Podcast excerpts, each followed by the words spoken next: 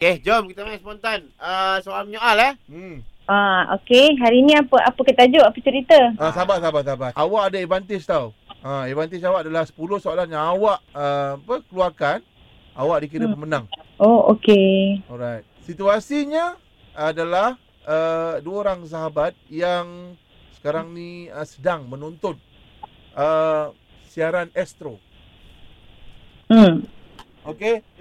Dapat bunyi uh, loceng, awak akan mulakan dulu ya, uh, Sofia.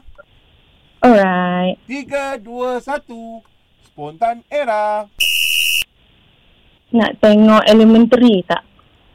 Cerita apa tu? Kau tak kau takkan tak tahu. Yang mana satu? Yang mana dua? Soalan apa tu? Kau rasa? Kenapa dengan aku punya rasa? Takkan aku punya rasa pula. Tu soalan kan?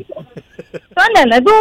Itu Ah, Tu statement. statement. Hmm. Ah, takkan aku punya Ah, rasa. dia, pula. dia dia kena intonasi tu. Takkan aku punya pula. Eh, tak boleh. Pun, Kau sedap kenapa Dia- tekan kau? sebab bila awak cakap tonasi macam tu, sebab tonasi awak pun bila awak tukar pun, dia tetap jadi statement lagi. Uh, Sofia, awak terpaksa umumkan ya yang Johan menang eh. Apa pula aku? Sedap, Aduh. sebab- tak aku rasa pasal dia ni baru dengar era. tak apa, stay tune lah Ah, eh. dia baru dengar studio baru era. Okey, Hmm. silakan. Johan, Ha, ah, ya Ah, saya. you win. Eh, Ah, jangan macam tu lah.